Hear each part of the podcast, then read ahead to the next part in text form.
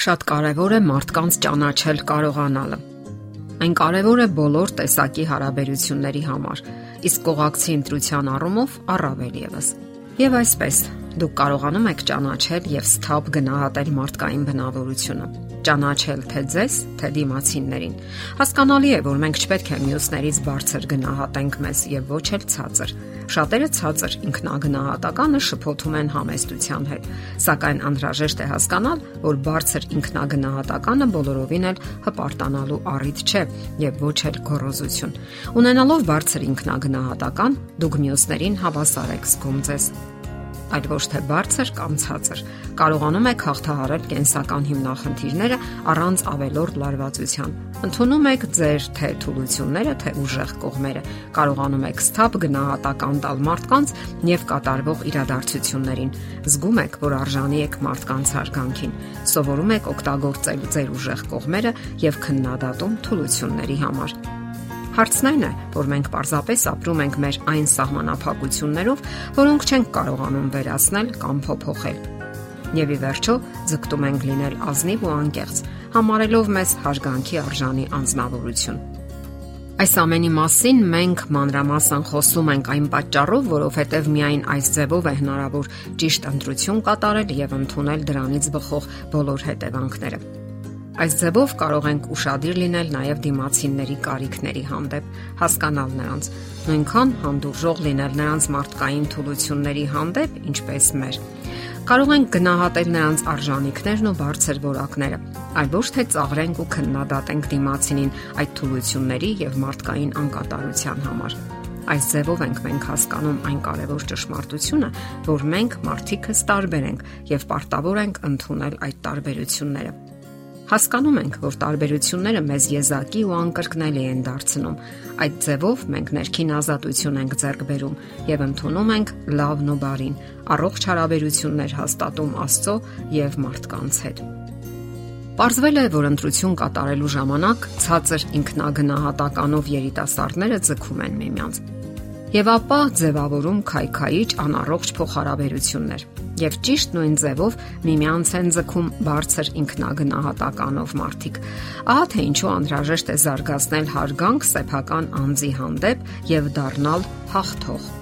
ճանաչել սերը ողջ լիության մեջ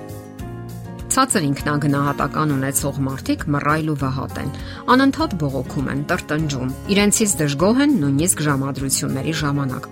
Իսկ եթե դժգոհ են ժամադրությունների ժամանակ, ապա ինչու եք կարծում, թե հետո պետք է պայծառ լինեն։ Եթե դուք ունեք առողջ բարձր ինքնագնահատական, կարող եք ազատորեն ապարգևել ձեր սերը, կարեկցել դիմացինին, ներել նրան, եթե կա դրա անհրաժեշտությունը, ընդունել դիմացինին այնպիսին, ինչպիսին նա կա իրականում։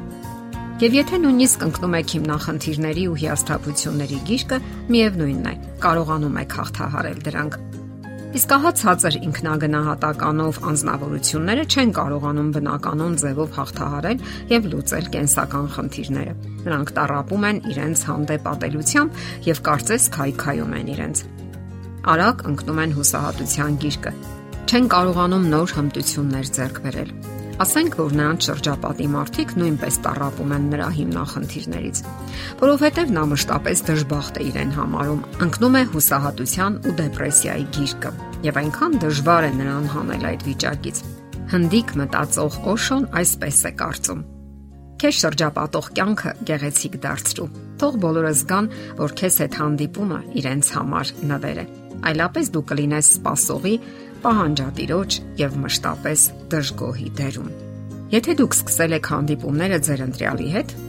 փորձեք անպայման ճանաչել նրան։ Նկատել եք այդ ախտանիշները նրա մոտ։ Եթե այո, ուրեմն մտածելու առիթ ունեք։ Դուք շտապելու կարիք չունեք։ Հանդիպումները հենց դրա համար են նախատեսված, այլ ոչ միմյանց գրկած քայլելու կամ գողունի համբուրվելու համար։ Այդ վիճակը սիրեկանների համար է, այլ ոչ բարեկամների։ Իսկ դուք առայժմ բարեկամներ եք եւ ոչ ավելին։ Ընկերություն արեք այն մարդու հետ, ով ունի առողջ դրական վերաբերմունք իր հանդեպ։ Ինչու եք վստահում, թե ձեր թե ձեր երեխաների ապագան այնպիսի մեկին, որը դեռ հանդիպումների ժամանակ արդեն ցածր ինքնագնահատական ունի։ Դուք ռիսկի եք դիմում, մտածելով, որ նա կփոխվի։ Ընդհանուր առմամբ շատ կարևոր է ձեր ընդհանուր տրամադրվածությունը հարաբերությունների հանդեպ, որովհետև դուք եք պատասխանատու ձեր ներքին աշխարհի կարգավորման համար։ Դուք եք որոշում ինչպիսի տեսք ունենալ թե արտակնապես, թե ներքուստ։ Ինչպես եք ավելի հետաքրքիր տեսնում ձեզ։ Ձեր աչքերը պայծառ են ու լուսավոր, թե խամրած են ու վհատ։ Դուք եք որոշում գնալ դասերի կամ աշխատանքի ուրախ ժպիտով, թե արդեն երիտասարդ հասակում մռայլ ու տրտում։ Ժամանակը սահելու հատկություն ունի։ Պետք չէ այն վատնել։ Ձեր բոլոր գործերին զուգընթաց վայելեք կյանքը։ Հակեք ոչ թե այն, ինչ առաջինն է ընկնում ձեր ձեռքը, այլ ընտրեք խնամքով։ Եղեք խնամված։ Շատերն են իրենց կյանքը նվիրաբերում անարժան մեկին, որը թեթևորեն խափում է իրենց եւ ապա թեթևորեն լքում։ Ահա թե ինչու կարևոր է ճիշտ ընտրություն կատարել, այլ ոչ թե միանալ առաջին պատահած անznավորությանը եւ ապա տանջվել սեփական ընտրության պատճառով։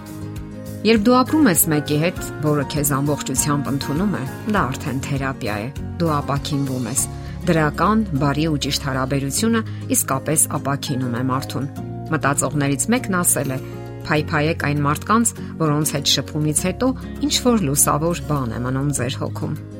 Ամփոփելով ասենք, սթափ եւ իրատեսորեն գնահատեք թե ձեզ, թե դիմացինին, թույլ չտալով, որ կյանքը հենց այնպես անցնի ձեր կողքով։ Եթերում է ճանապարհ երկուսով հաղորդաշարը։ Ձեզ հետ է Գեղեցիկ Մարտիրոսյանը։ Հարցերի եւ առաջարկությունների համար զանգահարել 033 87 87 87 հեռախոսահամարով։